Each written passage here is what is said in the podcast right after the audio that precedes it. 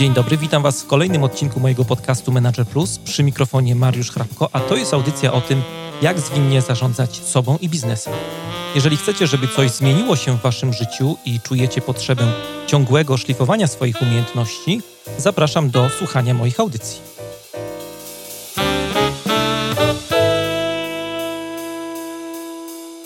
To jest podcast Manager Plus. Dzisiaj audycja będzie w kontekście takiego tematu, który przewija się przez nasze odcinki od czasu do czasu, tematu zarządzania sobą lidera. Jeżeli lider nie potrafi dobrze zarządzać sobą, to ciężko jest mu zarządzać ludźmi. I w dzisiejszym odcinku dotkniemy takiego tematu, który jest niesłychanie ważny, jeśli chodzi o to zarządzanie sobą, o funkcjonowanie liderów w takim codziennym świecie, w codziennej rzeczywistości projektowo-zespołowej, a mianowicie sen albo brak tego snu. Czy lider może nie spać? Z tej okazji do programu zaprosiłem pana Tadeusza Piotrowskiego, doktora nauk medycznych, kierownika pracowni elektroencefalografii badań nad snem e, Kliniki Psychiatrycznej Warszawskiego Uniwersytetu Medycznego. Panie Tadeuszu, witam bardzo serdecznie. Witam serdecznie. E, jak pan sypia? Może na początek takie pytanie. E, jak mam czas, to w miarę dobrze. No staram się przestrzegać oczywiście przede wszystkim stałej pory opuszczenia łóżka. Mhm. Nie, nie odsypiam. To jest taka moja zasada. I to pozwala mi generalnie y, w miarę dobrze spać. A powiedzmy parę problem. słów na temat y, tego, czym się w ogóle pan zajmuje, na czym polega pana praca, bo tak ledwo przeczytałem opis y, pana stanowiska. Co pan robi tak na co dzień? Tak. Też tak na co dzień po prostu z jednej strony nadzoruję badania snu i badania elektroencefalograficzne, mhm. czyli to są badania, które są wykonywane dla szpitala, czy w ramach projektów badawczych, zarówno pacjentów z zaburzeniami snu, jak i w ramach projektów badawczych, mechanizmów bezsenności, czy też e, po prostu badań diagnostycznych u pacjentów z zaburzeniami psychicznymi. Bo jakby te funkcje łączę w sobie. No, zajmujemy się oceną zaburzeń rytmu dobowego za pomocą aktygrafii. Więc to jest takie dość szerokie spektrum różnych zadań. Jeżeli jeszcze, to warto dodać, jeżeli chodzi o projekty badawcze, to jeszcze psychofizjologia, czyli badanie oceny funkcji poznawczych e, osób zdrowych czy, mhm. czy pacjentów e, za pomocą endogennych potencjałów wywołanych. Także takie dość szerokie spektrum badań elektrofizjologicznych związanych no, też no, z medycyną snu, bo to jest taki jakby główny obszar zainteresowań, ale także i z zaburzeniami psychicznymi. Ale czy to też dotyka tematów związanych z terapią osób, które mają problemy z zasypianiem, ze snem? To jest tak, że my oczywiście oprócz tego współpracujemy z poradnią leczenia zaburzeń snu.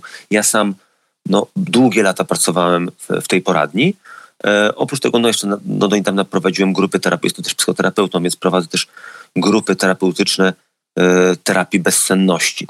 To tak dodatkowo. No, no jest tak, że człowiek, człowiek w tym zawodzie musi robić różne rzeczy, ale to, że zarówno pracuje jako no nie chcę mówić laborant, ale osoba od strony technicznej obsługująca mhm. te projekty badawcze, od strony merytorycznej również, ale także, że prowadzę terapię pacjentów, no pozwala mi znajdować rzeczy takie, takie myślę sensowne, bo nie tylko czysto teoretyczne, ale także czy te teoretyczne mogą mieć praktyczne zastosowania w terapii. Mhm. Także no, to ma swoje zalety. No, wadą jest to, że to zajmuje strasznie dużo czasu. Mhm.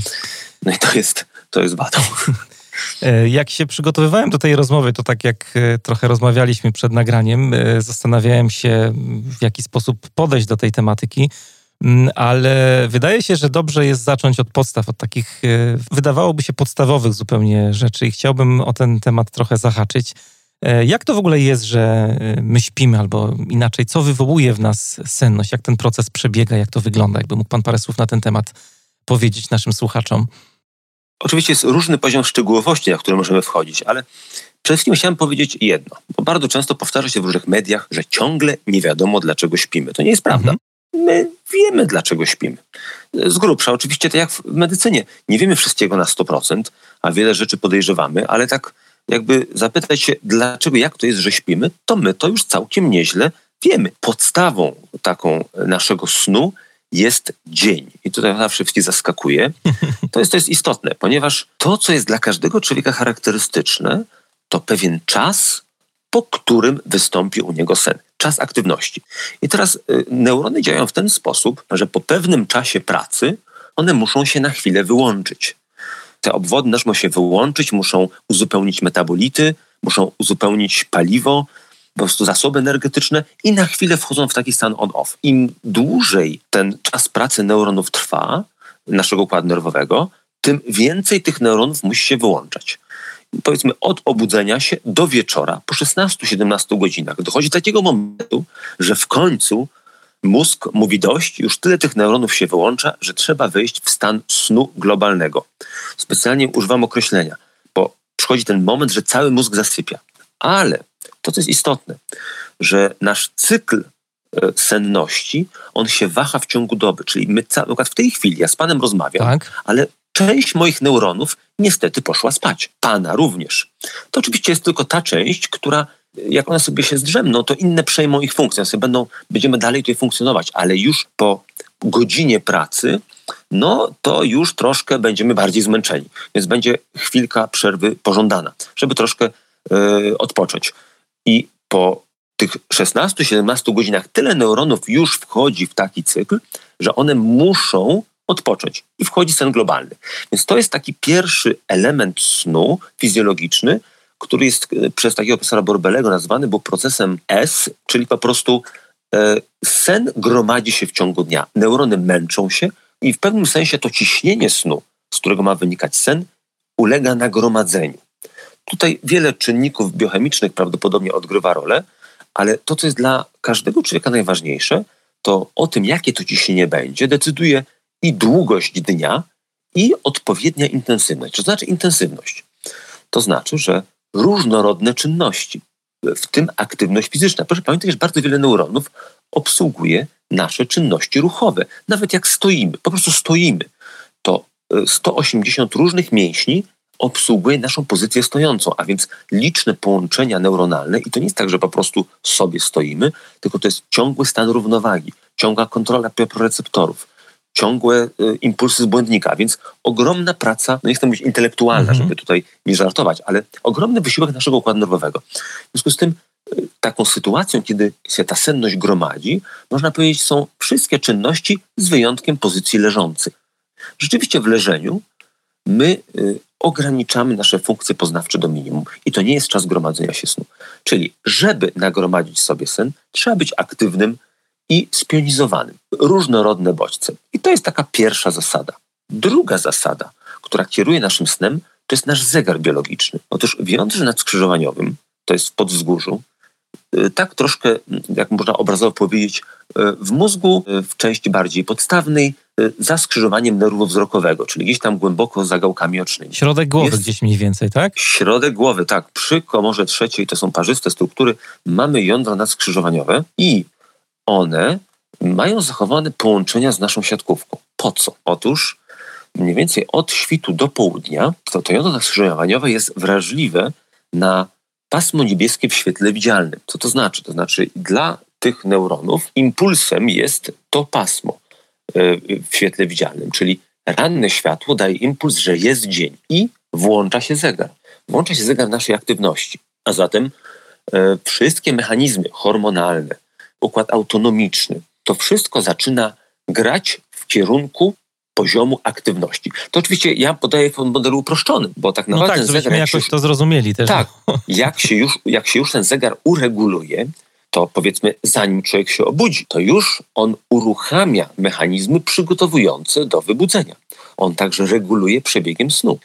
I teraz, żeby sen był prawidłowy, to obydwa mechanizmy czyli ten mechanizm, nazwijmy go sobie zmęczeniowy, czyli to, ile pracujemy, oraz ten zegar biologiczny muszą być zsynchronizowane. Czyli ten początek dnia ma być też wtedy, kiedy jest dużo tego światła niebieskiego, mhm. E, tego pasma niebieskiego w świetle widzialnym. To nam daje, że obydwa cykle są wtedy e, zsynchronizowane. To daje nam największe szanse rzeźkości wstawania, sprawności funkcjonowania w ciągu dnia i optymalizacji naszego snu. To mówię optymalizacji, bo nie chodzi o długość, nie chodzi też o jakąś hipergłębokość, to ma być optymalnie. Czyli pierwsza jedna trzecia nocy dominuje sen głęboki. W ostatniej jednej trzeciej nocy dominuje sen nieco płytszy, ale też sen REM. W ogóle określenie płytki głęboki nie jest do końca dobre. Bardziej powinienem się posłużyć terminem sen wolnofalowy, gdzie mamy neurony bardziej wyłączone i sen REM, gdzie e, neurony niejako ćwiczą, rozgrzebają swoje połączenia, czyli usprawniają, przełączają się. E, tam zachodzą też procesy konsolidacji pamięci, wzorców zachowań, e, podtrzymywanie funkcji tych neuronów również, to mówię które nie pracowały w ciągu dnia. Także, żeby mózg dalej my nie wykorzystujemy całego mózgu bez przerwy, tak? Są pewne części, które nie do końca pracowały. W związku z tym one też wymagają takiego przećwiczenia i to się dzieje śnierem po to, żeby nie zanikały, żeby funkcjonowały, żeby dalej działały. A zatem e, przeszliśmy od dwóch najważniejszych rytmów do struktury snu. I rzeczywiście, tak jak jest tam gdzieś w naszej wcześniejszej rozmowie, Pan wspomniał, ten sen składa się z kilku cykli. Każdy cykl ma 90-100 minut, to jest 4 do 5 cykli i każdy z cykli zaczyna się od trochę płytszego stadium, wchodzi w głębsze stadium. Ale pierwsze dwa, trzy cykle kończą się snem wolnofalowym, po którym następuje króciutki sen REM. W każdym kolejnym cyklu, czyli te 90-100 minut, w miarę postępu nocy jest coraz więcej snu REM, aż na końcu jest sen REM. Wszystkie cykle są ważne. W śnie głębokim, wolnofalowym zachodzą procesy naprawcze, tak jak wcześniej wspomniałem, a w śnie REM zachodzi takie, taka konsolidacja procesów uwagowych i pamięciowych oraz przygotowanie do czujności. Jeżeli się obudzimy po ostatnim cyklu, w zakończeniu snu REM, to budzimy się rzeźcy.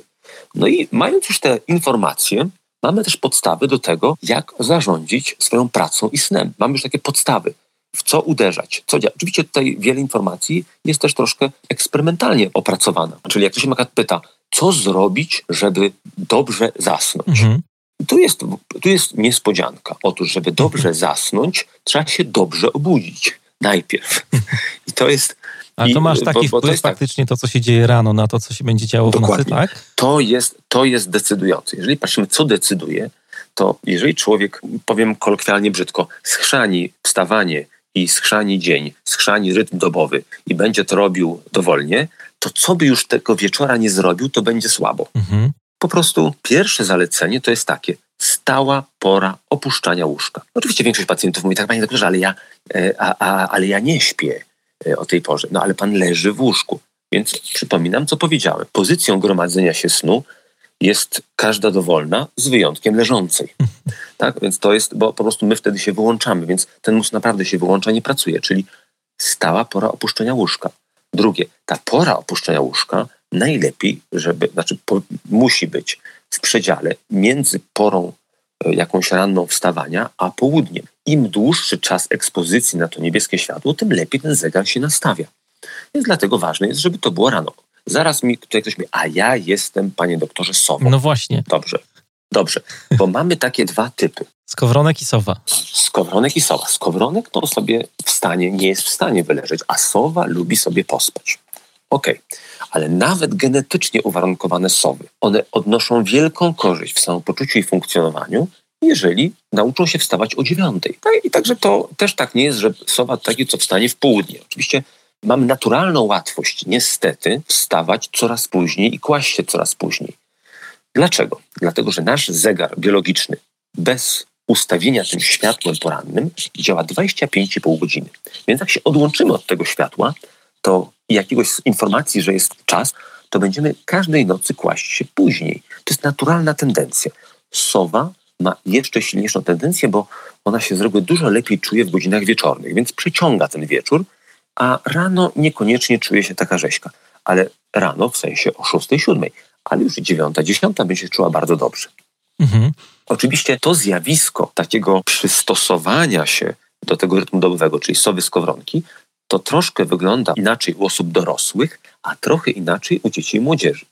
Bardzo często jest tak, że młodzież, wprawdzie to nie są menadżerowie, ale to z reguły wtedy się zaczyna problem, że młody człowiek w okresie dojrzewania nagle przesuwa sobie porę zasypiania, bo to jest kwestia hormonalna, to jest kwestia budowania własnej niezależności i zaczyna kłaść nie wiadomo jak późno spać, rano jest nieprzytomny, więc co on robi? Odsypia w weekend. To jest oczywiście, czy to u każdego spowoduje bezsenność? No nie, ale jest to czynnik ryzyka. Miałem też o to zapytać, bo to już nie tylko młodzież, ale w firmach się spotykam z tym, że ktoś mówi, a weekend idzie, to ja sobie odeśpię tutaj ostro harowałem przy projekcie przez cały tydzień, ale Dokładnie. teraz sobota, niedziela, ale, to mam ale czas. Tego, ale to się, to się zaczyna w tym młodym wieku, a potem przychodzi podtrzymywany i rozpowszechniany jest w wieku studenckim, a potem młody człowiek robi tak.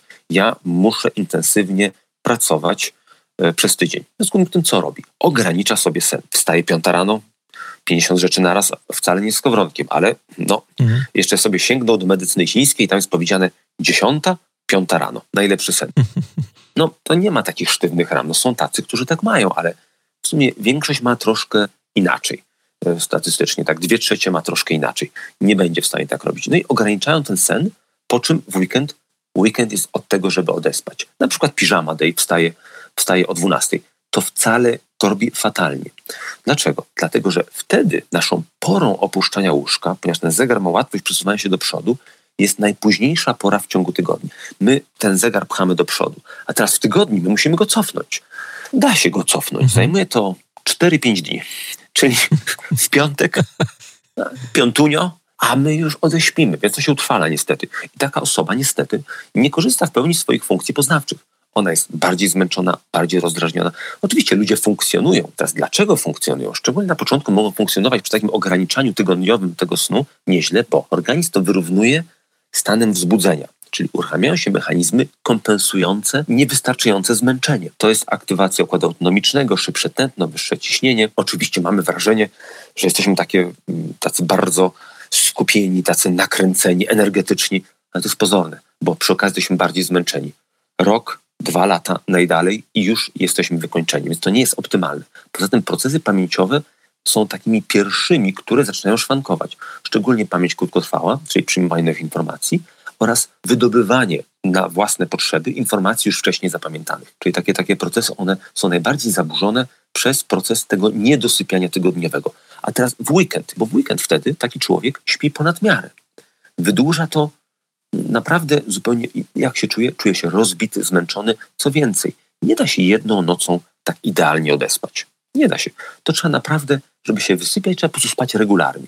A więc no jest to głębokie przekonanie poza tym, nawet jak ktoś nie ogranicza tego snu, że ten weekend trzeba odespać. Przyjmuje się, że maksymalnie można odespać godzinę, czyli w weekend godzinę później wstajemy. To jest maksimum, ale to nie jest, że ja zalecam odsypiać godzinę. To nie, nie, nie. Jak już ktoś absolutnie nie jest w stanie, jest tak głęboko przekonany, że musi odespać, to godzina, nie więcej. To po prostu nie ma sensu. To nie daje wypoczynku, a wręcz przeciwnie. To bardzo zaburza nasze funkcjonowanie. Czyli pan sugeruje, żeby wstawać o regularnych porach, tak? Jednej Ta przez sama cały pora każdy, mhm. przez cały tydzień. Niezależnie o której zaśniemy. Mhm. Niezależnie o której zaśniemy. A to jest, to jest też ważne, bo, bo jak jest dobrze, no to oczywiście wszystko jest fajnie. A teraz załóżmy, mamy jakieś strasznie ważne zadanie następnego dnia. Po prostu musimy je skończyć.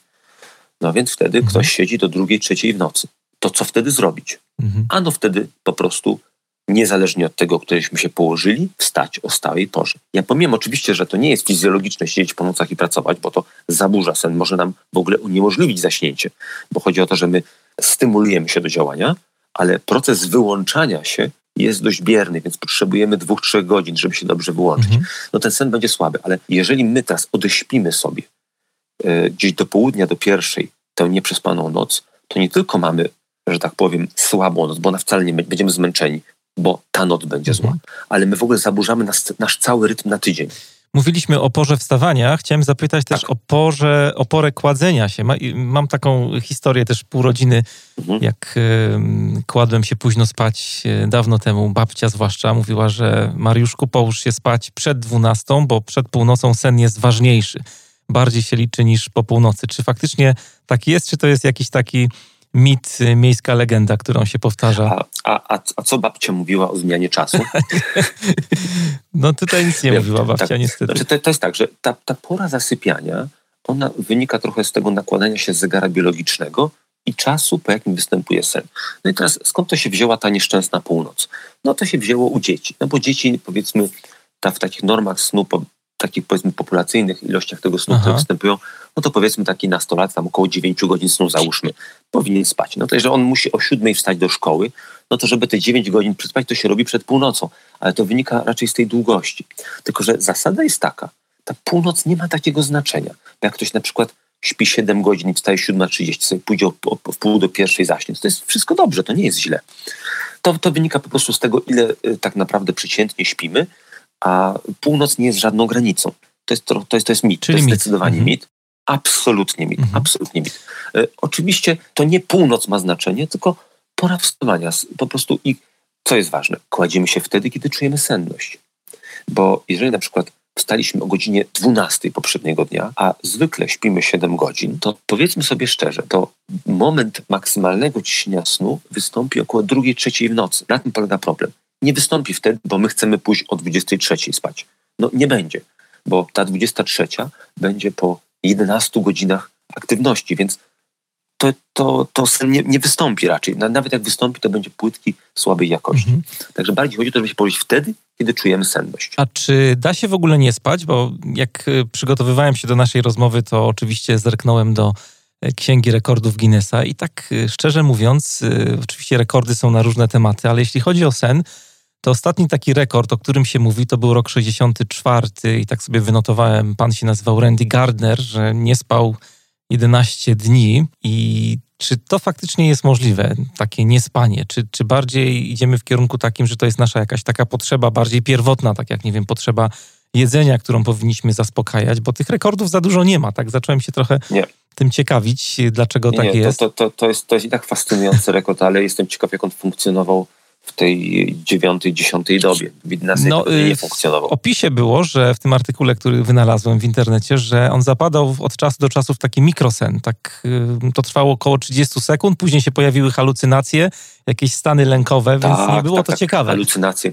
Powiem tak, mikro, stany mikrosnu, po prostu to jest tak, że już jak jesteśmy w zwykłej nocy, czyli pierwsza noc, kiedy nie śpimy, jest druga trzecia w nocy, tak prowadzimy samochód, to wiemy, że wbrew naszej woli mogą się przytrafić stany mikrosnu.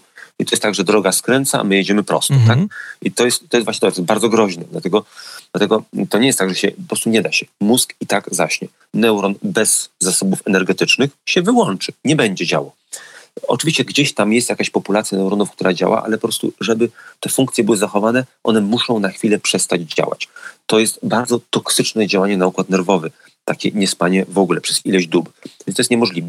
Ja miałem bardzo ciekawą rozmowę. Kiedyś byłem na, na rejsie Pogorią i tam była, naszym kapitanem była pani kapitan Asia Pajkowska, która zresztą na katamaranie opłynęła świat mhm. i w ogóle. I ona właśnie opowiadała mi, że w ogóle samotni żeglarze mają tak jakby tak już w rutynie, że no tam e, mimo tego, że jest powiedzmy ten komputer, który poprowadzi, no ale jednak e, no, mało się śpi.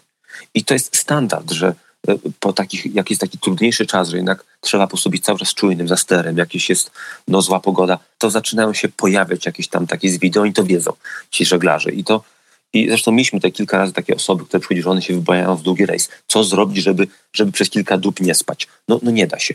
Trzeba nawet te mikrostany snu, jak tylko jest spokojniej po prostu na tym komputerze płynąć, po prostu nie da się. To jest niewykonalne. To jest, to nawet może tylko, że ja mówię o całkowitym niespaniu, bo uwaga, tu jest jeden haczyk. Mianowicie często osoby, które cierpią na bezsenność, one mają przekonanie, że one w ogóle nie śpią. Więc jak ja teraz powiem, że ktoś po pięciu, sześciu dobach może umrzeć, no to e, zaraz e, tutaj ludzie mi powiedzą, co pan powie, o rety, ja już o tym miesięcy nie śpię. To, a to tak nie jest. Dlatego, że jeszcze jest inny problem. Jak ktoś trwale ma zaburzony sen, przewlekłą bezsenność, która trwa powyżej trzech miesięcy, to on bardzo często nie ma poczucia, że śpi. Czyli on de facto śpi, czy jakby kamerą nagrać to śpi, ale to jest sen bardzo słabej jakości. To jest tak inne zjawisko. Generalnie sen jest taką podstawową, to jest jak mówię, odruch konsumacyjny, czyli to jest tak jak my musimy e, zjeść, wyspać się, musimy się też wypróżnić, nie da rady bez tego. To takie nasze podstawowe, naszych funkcji, podstawowe funkcje życiowe muszą być tutaj zaspokojone i sen do nich należy. Nie da rady bez tego. No właśnie, ja y, trafiłem też na taki artykuł, y, akurat w New York Timesie był y, publikowany. Tam jest taki blog i autorem podobno znana postać w kwestii bezsenności Michael Thorpe. Napisał. Tak, bardzo, podręcznik o książkę czytałem, A, bardzo, właśnie. bardzo, bardzo tak. Napisał taki artykuł, króciutki bardzo, czy na bezsenność można umrzeć i on, wydaje mi się, wprowadził takie dość, dla mnie laika, fajne rozróżnienie, hmm. mianowicie na bezsenność i deprywację snu. Wydaje mi się, że, że sporo osób właśnie utożsamia niepotrzebnie te dwa pojęcia i Dokładnie. powoduje to niepotrzebne Dokładnie. takie stany Dokładnie. wręcz lękowe, nie? Bo deprywacja snu to jest jakby mm, zaburzenie potrzeby jakby snu, tak? Czyli jakby możemy wywołać e, ucięcie sobie potrzeby snu w taki nawet sztuczny tak, sposób. Deprywujemy, czyli pozbawiamy się tego snu. Mhm. Ograniczamy go sobie, pozbawiamy się snu. Zaś bezsenność jest zupełnie innym mechanizmem. I to jest chociażby dlatego o tym, co powiedziałem, że pacjent ma poczucie, że nie śpi, ale de facto on ma ten sen, tylko ten sen nie daje mu pełnego wypoczynku. Różne tutaj mechanizmy rozróżniamy, które mogą powodować, mamy różne modele. W tej chwili bardziej dzielimy na bezsenność z krótkim czasem snu i z długim. Te osoby z długim y, mają mniej może stanów wzbudzenia w ciągu dnia, osoby z krótkim mają więcej takiego wzbudzenia autonomicznego, częściej mają nadciśnienie, taka jest współchorobowość, więc bezsenność nie zabije.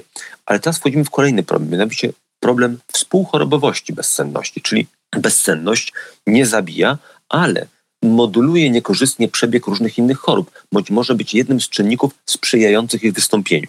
Przy wystąpieniu jeszcze innych dodatkowych czynników, na przykład jest większe ryzyko wystąpienia nadciśnienia tętniczego, większe ryzyko zaburzeń metabolicznych. Ale to nie tylko bezsenność, ale także te zaburzenia rytmu dobowego, o których mówiłem, które sobie fundujemy, czyli odsypianie weekendowe, sprzyja fragmentacji snu i zaburzeniom metabolicznym. Okazuje się, że osoby, które odsypiają latami, mają większe ryzyko otyłości typu brzusznego.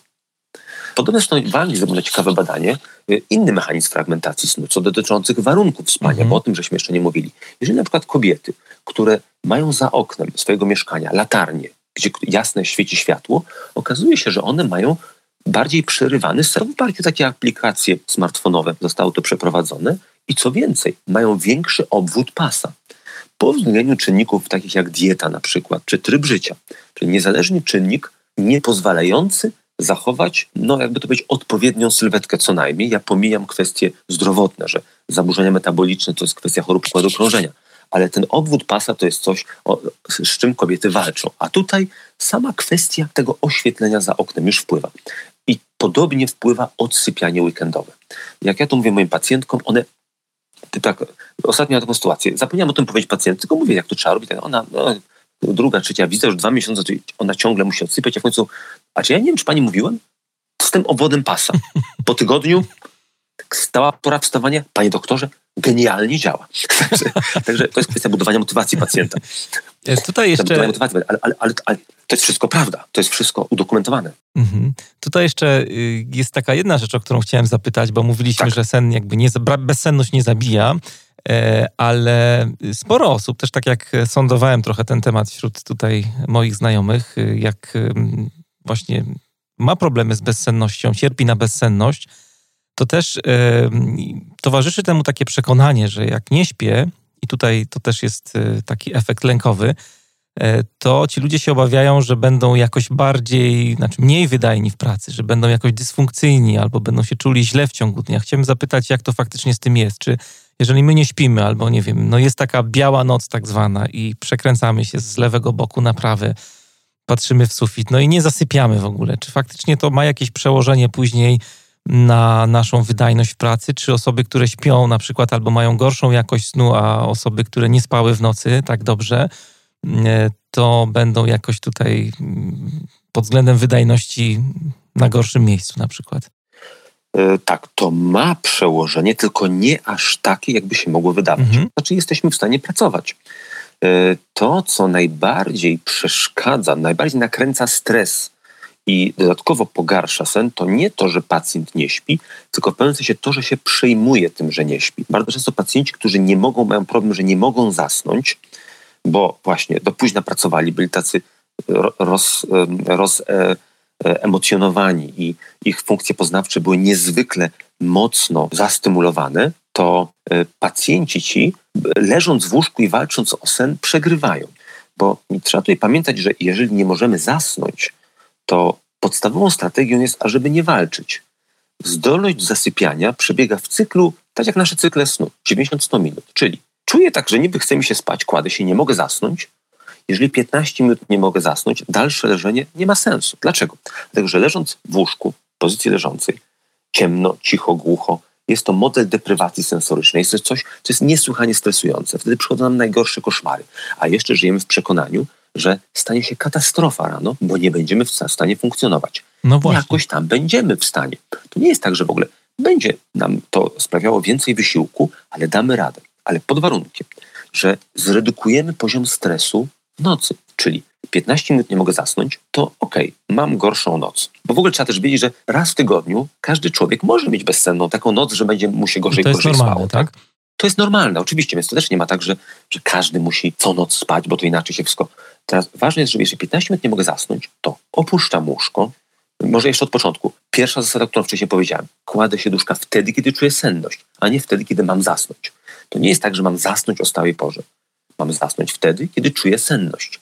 Ale nie wcześniej niż, czy nie kładę się o ósmej, bo czuję senność, tylko w takiej porze, która będzie sensowna z punktu widzenia mojej higieny snu. I teraz, jeżeli 15 minut nie mogę zasnąć, bo coś się zadziało, to opuszczam łóżko. Funkcjonuję nie w łóżku, tylko gdzieś w fotelu, na kanapie, w przygaszonym świetle. Mogę czytać książkę, mogę słuchać muzyki, audiobooka. Jak mam odpowiednie okulary, mogę nawet sobie obejrzeć film, a w tych okularach, które blokują niebieskie światło, bo wszystkie te elektroniczne urządzenia, które używamy, smartfony, e, iPady, z filmami, z internetem, one mają dużo niebieskiego światła. Więc mamy na przykład takie folie, tam gdzieś w którejś nazywa się timeless, na okulary zakładamy bądź zerówki i po prostu blokujemy to światło niebieskie, żeby mózg nagle o, o północy nie obudził się, że jest dzień. To też zaburza. I po prostu ponownie się zajmujemy się czymś. Chodzi o to, żeby uwagę czymś zająć. Jak mózg nie śpi, to myśli. Jak jest ciemno, głucho, ciepło, to myśli o różnych rzeczach nieprzyjemnych. Człowiek się kotuje. I co to kotłowanie, mówię tak już kolokwialnie, daje? No nic, jeszcze gorzej, bo jak za godzinę, półtorej przyjdzie kolejne nasilenie senności, bo ta senność nasila się do 90-100 minut. Ta siła snu do zaśnięcia, to my z powodu tego leżenia, tego stresu w leżeniu znowu nie zaśniemy, bo jesteśmy już tak zdenerwowani. Zajmujemy uwagę czymś innym, czyli mam trudności w zaśnięciu. To nie jest ważne, czy ja zasnę, czy nie zasnę. My się nie zajmujemy.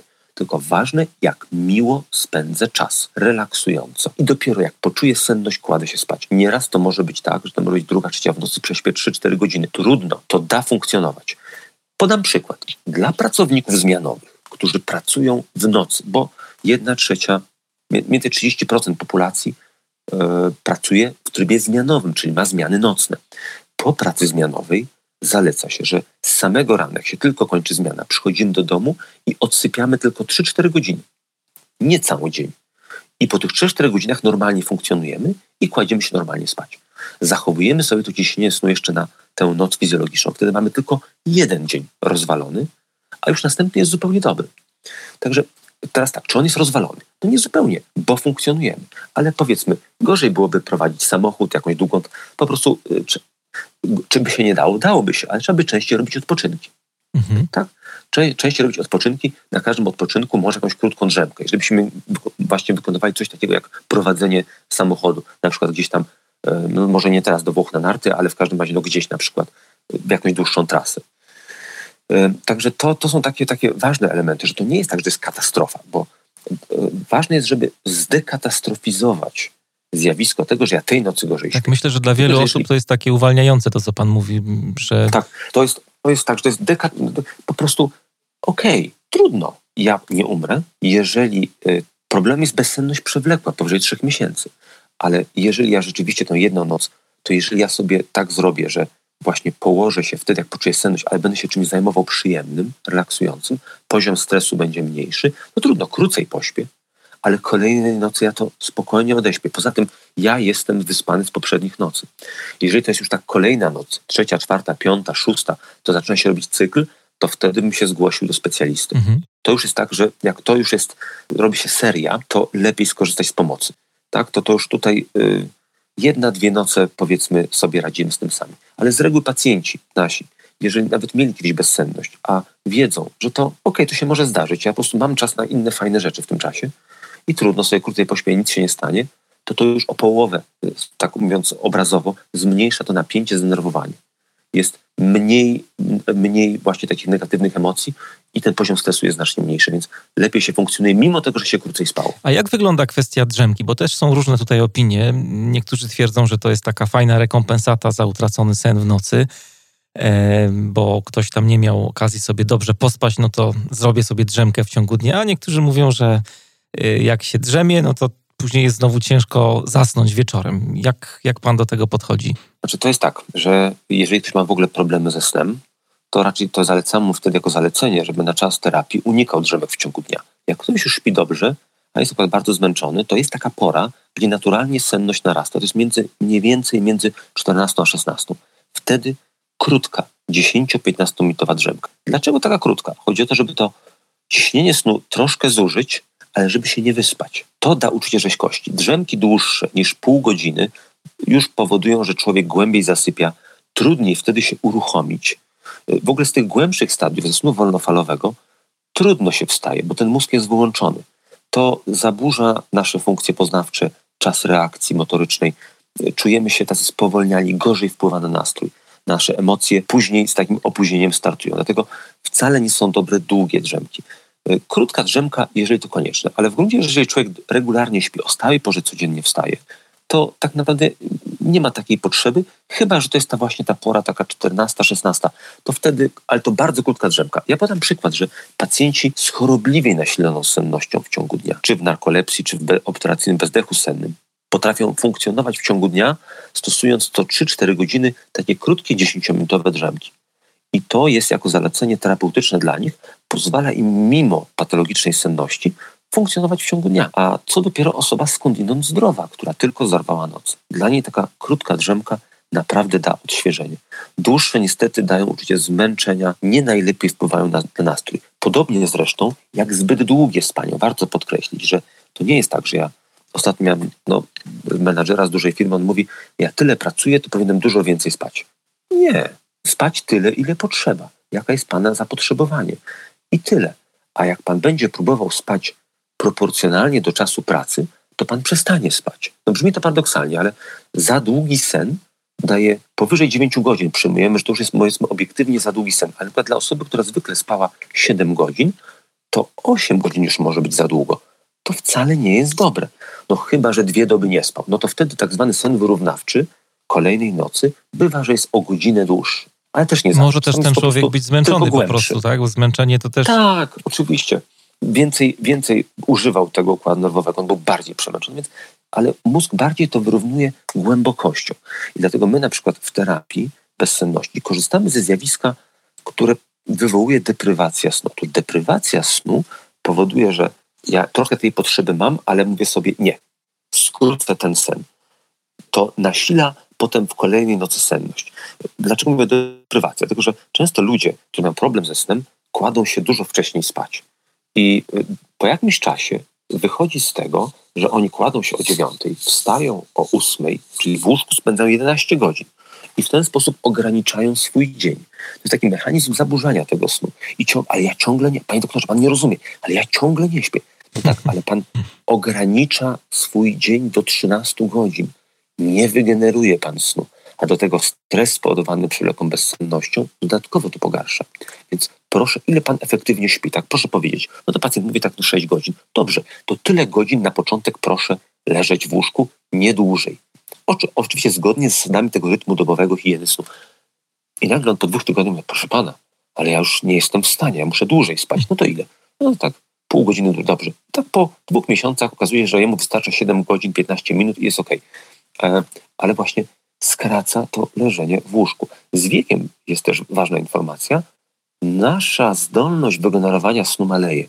W związku z tym my śpimy trochę krócej. Czyli jak ja mam powiedzmy teraz 50 lat, no to ja śpię te 6,5-7 godzin. Być może jak, jak dożyję 90, będę spał 5-6 godzin w tym przedziale. To tak prawdopodobnie będzie. E, z wiekiem ludzie sobie myślą, że muszę spać znacznie dłużej.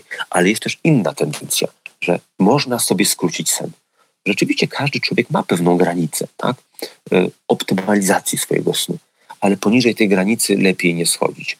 Tak? Czyli to jest tak, że mm, no, nie eksperymentowałbym z takim skracaniem snu na siłę, troszkę tak jak w, u Dickensa w Oliwierze Twiście, tam taki konik, którego oni karmili e, już źdźbłem trawy. I on właściwie prawie udało się go w ogóle nie karmić, tylko on nie wiadomo dlaczego zdechł. Tak? Także tutaj też tak samo z tym skracaniem snu. To każdy ma swoje, tak jak jedzenie, no, mamy swoje zapotrzebowanie.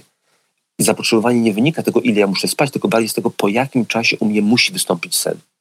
To jest bardziej, to jest Ale z tego, co pan też mówi, to płynie taki wniosek, że ta norma dobowa snu dla każdej mhm. osoby może być trochę inna. To nie jest tak, że te dokładnie, 8 godzin musimy dokładnie. spać, tak? Nie, nie, nie, to nie jest tak. To jest tak, że oczywiście jest taka jakaś krzywa Gaussa i to jest tak, że to jest taka, czy tak jak mówiłem czasami, ukształtna zależność, że są osoby, które powiedzmy przyjmujemy, że poniżej 6,5-6 godzin to raczej jest to już za mało i że powyżej 9 godzin raczej jest to już za dużo. Raczej, no bo są choroby, gdzie ten sen się wydłuża, czy no, wie, osoby w wieku lat 90 plus, no to one częściej śpią poniżej 6 godzin, tak?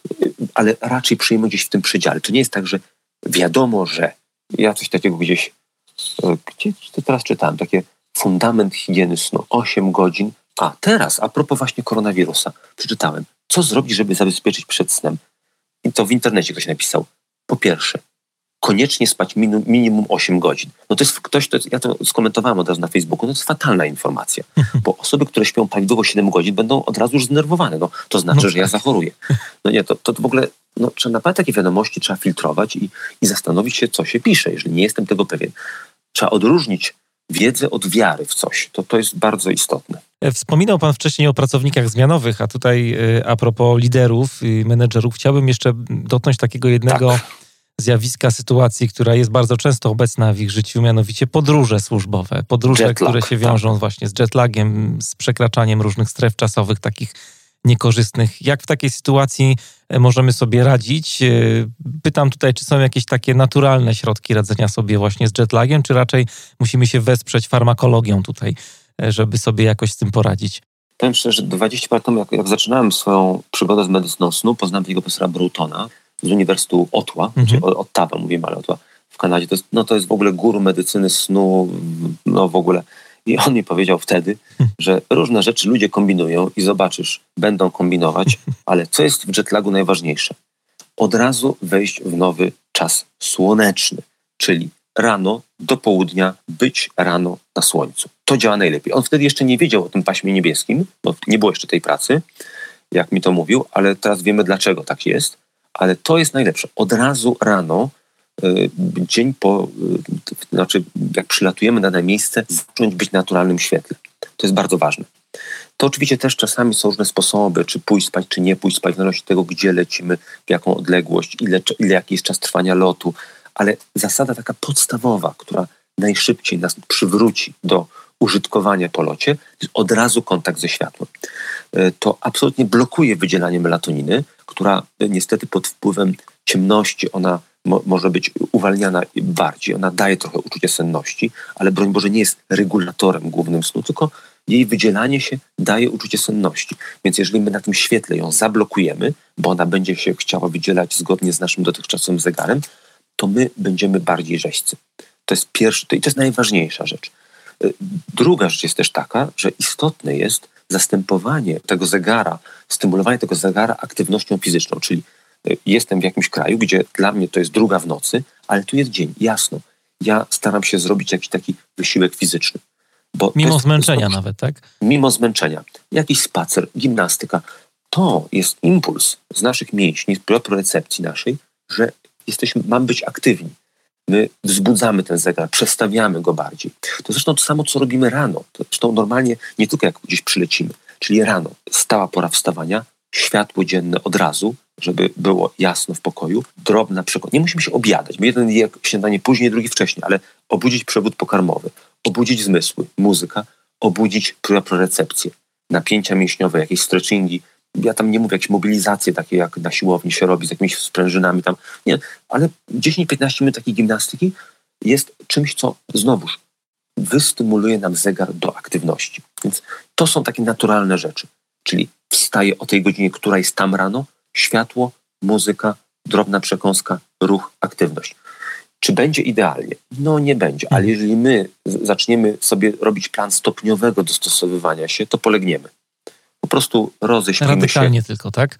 To jest e, dosłownie radykalnie. To, to po prostu będzie, będzie, będzie łatwiej, będzie szybciej. Mhm. E, tak, e, zbliżamy się powoli do ostatniej części naszej rozmowy i chciałbym trochę podpytać Pana o higienę snu. I kilka rzeczy się już tak. pojawiło. Mówił Pan o lampie, tak. o świetle. E, tak. Na pewno takim tematem, który jest dość istotny w wielu naszych sypialniach, to jest to, że pojawia się tam telewizor, który lubimy oglądać. Nie, nie, nie, niemożliwe, nie, absolutnie, absolutnie. E, telewizor nigdy w życiu. Nie, ma, znaczy nie, nie oglądamy telewizji w łóżku. Mm -hmm. To jest taka zasada. Oczywiście jest miło należące oglądać, że się relaksuje i czasami łatwiej zasnąć, to tak niektórzy to wiedzą, ale starać się najlepiej, żeby tego urządzenia no nie było. Niektórzy też twierdzą, że im się dobrze zasypia oglądając telewizję tak. i są w takim tak, półśnie tak, tak, przez jakiś czas. I... Tak, ale to jest też tak, że, że ten półsen potem się rozciąga na coraz większą część nocy. O to chodzi. Ten telewizor jest włączony, słuchawki na uszach. To nie jest zdrowe. Mhm. Aczkolwiek to, jeżeli człowiek ma natłok myśli, praw, to dobrze go wyłącza. Tak? I, I dlatego tego używają, ale jednak lepiej jest używać innych technik, obejrzeć sobie telewizję. Tak, można, jeżeli to komuś akurat specyficznie ta rzecz pomaga, ale nie w łóżku. Czuję senność, wyłączam, kładę się spać do łóżka. Łóżko złuży do dwóch rzeczy, tą drugą jest spanie. E, co jeszcze powinniśmy pamiętać? O czym jeszcze powinniśmy tak, pamiętać przy e, e, higienie snu? Warto pamiętać, że oczywiście człowiek jest trochę jak robot i te rytuały. Ja podkreśliłem specjalnie te ranne rytuały, bo one są bardzo zaniedbane, ale pamiętam też o wieczornych, bo są rytuały, które sprzyjają senności, czyli takie wolniejsze chodzenie, wolniejsze czynności, mycie zębów, szykowanie się. Ważne jest, żeby te wszelkie stymulujące czynności, mówi się 4 godziny przed snem, ale tak wiem, jakie jest życie, więc jest ciężko, ale najdalej te dwie godziny przed snem już się wyłączyć. Czyli spokojne czytanie, oglądanie czegoś spokojnego. Nawet jak oglądamy, dobrze sobie taką przerwę jeszcze na krótkie czytanie przed zaśnięciem, ale nie w łóżku. Łóżko ma się behawioralnie kojarzyć tylko ze spaniem. Dobrze przewietrzony pokój. My generalnie przegrzewamy w Polsce swoje pomieszczenia, to jest trochę taki problem, że temperatura optymalna to jest jako 27 stopni, a to było liczone dla mężczyzny 1,72 m, 70 kg więc e, to tak jest dla kobiet jest trochę inaczej. Kobiety zawsze mają trochę chłodniej, tak? Znaczy im jest trochę zimniej. Ale chodzi o to, że nie ma być nie za ciepło, chłodniejsze powietrze, zaciemniony pokój w nocy. Rano jasno. Yy, I unikamy intensywnych wysiłków, naprawdę intensywnych na 4 godziny przed pójściem spać. Czyli jeżeli gimnastyka, to aktywność jest bardzo ważna. Ale jeżeli chcemy na przykład pójść spać no, przed pierwszą, to o 21 kończymy. Nie może być. To już lepiej to przerzucić na rano, jeżeli już musimy koniecznie. To będzie rozładowało stres i stymulowało, ale y, te późno nocne ćwiczenia opóźniają porę zaśnięcia bardzo, bardzo wydajnie i spłycają sen. Pamiętajmy też, bo to jest też takie zjawisko dość popularne ostatnio wśród menedżerów, to są te biegi długodystansowe, y, właśnie takie sporty związane wytrzymałościowo. Ekstremalne fajnie, czy ekstrem. Mój kolega robi to ekstremalnie, biega 7 dni na przykład po górach, tak? Mhm. Są takie super, super jakieś maratony jest w tym niezły nawet. Ale to są indywidualne, powiedzmy, zdolności. Ale generalnie to jest tak, że pojawia się zjawisko nadmiernej aktywacji osi stresu, bo nadmierny wysiłek aktywuje tą oś stresu. I często jest tak, że potem oni trenują, są w świetnej formie, ale zaczynają się nagle wcześniej wybudzać. Skąd? Przecież nie mam takiego, no mam jakieś stresy, ale nie takie. No właśnie, to przetrenowanie, jest takim mechanizmem, który może spowodować to przedwczesne budzenie się. Ważne w higienie snu jest też to, że jeżeli spod jakichś stresów my zaczniemy się y, y, wcześniej wybudzać, na przykład nagle się wybudzimy o czwartej, po tym, żeśmy nie mówili, to wtedy jest odwrotna zasada jak wieczorem. Nie, że 15 minut nie mogę zasnąć, to wstaję. Jak się nad ranem wybudzę, to wtedy nie wstaję, dalej leżę. Powiedzmy, głowa nie śpi, ale ciało potrzebuje relaksu. Ale zakładam wtedy słuchawki, słucham sobie audycji, słucham sobie audiobooka, może niekoniecznie muzyki. Wiesz, może być muzyka relaksacyjna, ale chodzi o to, żeby zająć czymś uwagę. Dlaczego? Dlatego, że jeżeli już wstanę, to się obudzę. Jak sobie poleżę, to jeszcze jest szansa złapać albo takie stany mikrosnu, albo naprawdę taką jeszcze jakiś fragment snu dobry złapać, ale my się zrelaksujemy ten mózg nasz się nie nakręci jakimiś myślami czarnymi, takimi rzeczami, które mamy zrobić. Tylko e, będziemy w stanie pewnego relaksu. I to jest troszkę, czyli jak się nad ranem wybudzimy, to słuchawki na uszy, audycja, o, na przykład taka audycja. Tak? Bardzo dobrze do odsłuchania, jak się obudzę za wcześnie. Tutaj posłucham, o, i niestety w połowie audycji mogę zasnąć. Jest duża szansa. No ale można wrócić ale, do niej zawsze ale zawsze można wrócić, tak? Zawsze można wrócić. Ale chodzi o to, że to ma być głos, to ma być informacja, to ma być słowo. W sensie treść, która pociągnie naszą myśl w tym kierunku, a nie na przykład w kierunku tego, co, Boże, obudziłem się, co to będzie? O kurczę, no tak, jest to spotkanie, jest ta narada, albo projekt jest opóźniony. To są takie różne, takie koszmary dnia codziennego, tak? Mhm. I, I po prostu, e, a, a, to nie ma, a to nie ma znaczenia. Nasz mózg nie śpi, to myśli. Możemy go czymś zająć. Inaczej to robimy wieczorem, czyli wieczorem opuszczamy łóżko i robimy sobie to poza łóżkiem. Poczujemy senność, się kładziemy, ale nad ranem, jak się przebudzimy, to robimy to właśnie w troszkę inny sposób. On jest bardzo efektywny. Redukuje poziom stresu. Bardzo A jest jeszcze taka jedna rzecz a propos higieny snu, mianowicie tak. o niej się dużo mówi, jedzenie. No wiadomo, żeby na noc nie jeść, Ach. ale chciałem też zapytać oprócz jedzenia Ach. o alkohol. No jakieś winko wieczorem na przykład e, tak. z partnerką. Ułatwia zaśnięcie, ułatwia spłycenie snu i wybudzenie. Czyli alkohol bardzo pogarsza jakość snu. Czyli y, ułatwia, że łatwiej nam za to, bo się zrelaksujemy chwilowo, ale za chwilę y, spowoduje, że my się tym bardziej wybudzimy. Sen będzie spłycony i noc będzie znacznie gorsza. Alkohol jest fatalnym pomysłem jako środek nasenny.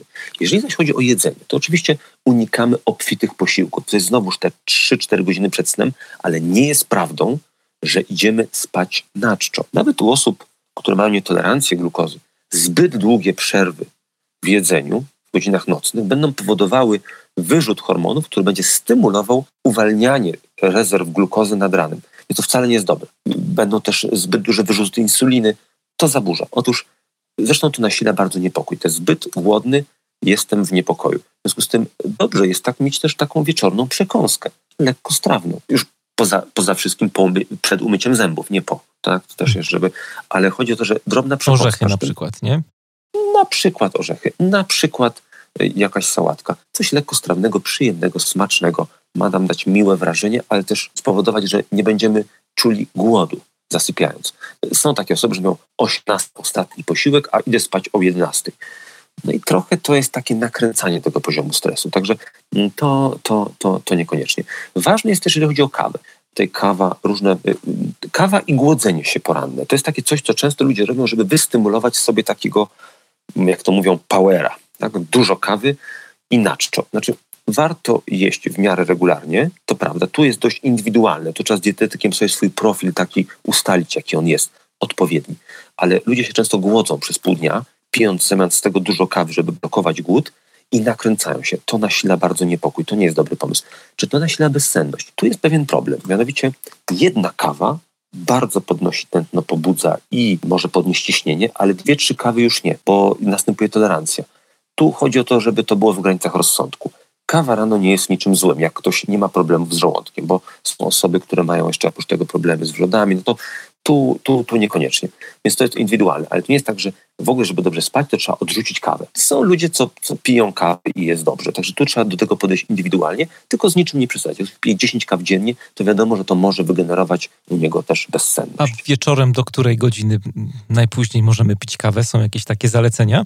To tak, y, y, są, y, są osoby, które już po piątej nie mogą wypić kawy. A są takie osoby, i to jestem ja, że potrafię wypić kawę po kolacji w restauracji. Bardzo lubię lubię włoską kuchnię, więc jak, jakby z kawusi podwójne espresso, jedno, drugie i ja idę spać. Ale to jest po prostu na mnie, po prostu to jest tak, że ja tak mam, ale nie polecałbym tego większości. Po prostu, no, no ja też, po po godzinie Ja też nie, tak no. mam. Nawet y, w zeszłym roku byliśmy z żoną na koncertach na, na festiwalu w Trójmieście i przychodziliśmy koło godziny pierwszej, piliśmy espresso i zasypialiśmy jak jak dzieci, więc to... Tak. tak. są jeszcze osoby, które w ogóle odczuwają senność po kawie. To jest takie rzadsze zjawisko. A to bardzo tak, rzadkie zjawisko ale, ale także tutaj trzeba po prostu siebie obserwować. Zawsze zachęcam, jeżeli zajmujemy się rytmem dobowym, to nie o to chodzi, jak ma być, tylko żebym sobie odpowiedział pytanie, jak jest u mnie? Co jest moim, żebym się poobserwował.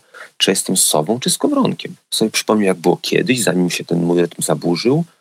Y, trochę poeksperymentować na sobie, bo, bo tak naprawdę przychodzi do mnie pacjent, mówi, że ma problemy ze snem i się mnie pyta, ile mam spać? Ja mówię, ja nie wiem, ile pan ma spać zobaczmy. E, bo ja oczywiście ja cały czas prowadzę praktykę prywatną, jeżeli chodzi o, o medycynę snu i leczenie bezsenności. Także, także mam tych pacjentów no, całe rzesze, mówiąc szczerze.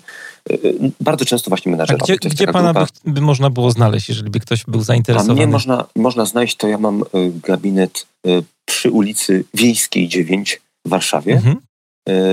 To jest tak, że to, to na stronie internetowej to się nazywa psychiatria-piotrowscy.pl to jest um, razem z moja żona jest kierownikiem poradni leczenia zaburzeń snu w klinice, więc tak razem prowadzimy nasz taki gabinet zaburzeń lękowo-depresyjnych głównie ogólnej psychiatrii, ale gro pacjentów są pacjenci z bezsennością z racji z naszej wspólnej specjalności. A jak Także... długo trwają takie, takie sesje, nie wiem, taki cykl doprowadzania się do porządku, jeśli chodzi o spanie?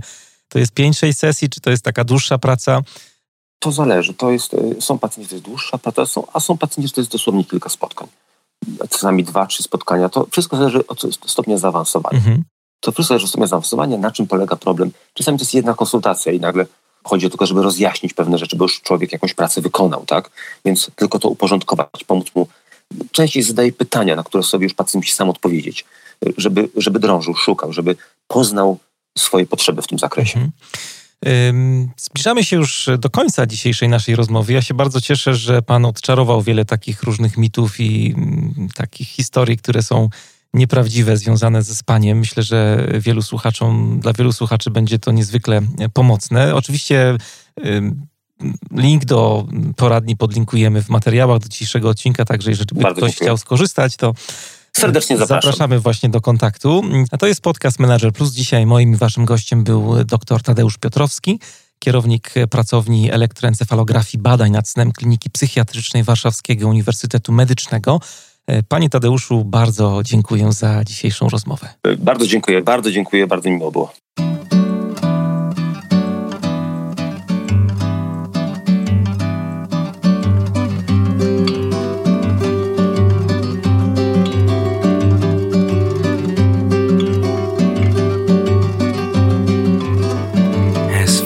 Arde queima, és logro birra teima, és broto como seiva, és trono louvação, és crime escapa ilesa, és cine quadro beleza, timbre som sutileza, és tímido coração. És trama, textura, intriga, és cama, nove meses, barriga, és fama, fina torcida, és samba, exaltação, és tambor, jongo a gingar, és condor no céu a mandar, és valor, devo debitar, que és primor, pura perfeição, e és isso tudo, aquilo e aquilo outro, és tu o que ainda não sei contar, aquilo que hei de cantar. E és isso tudo, aquilo e aquilo outro és tu. E tudo isso ainda em dobro és tu. És tu, és tu.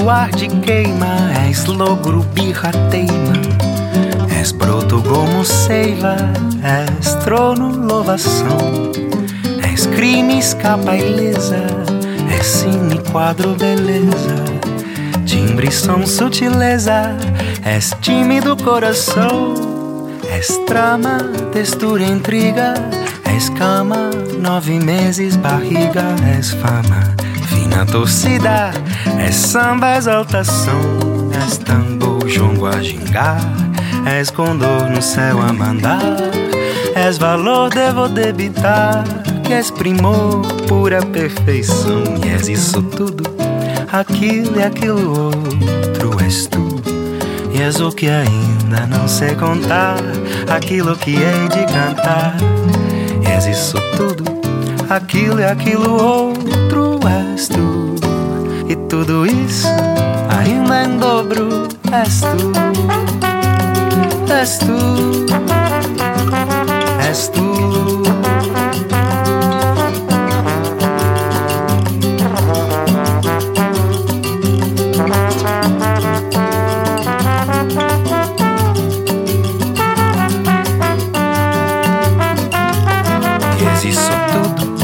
aquilo e aquilo outro és tu.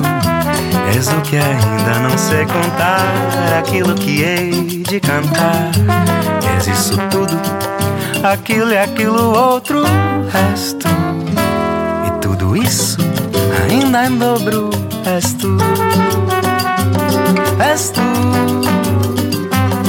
és tu.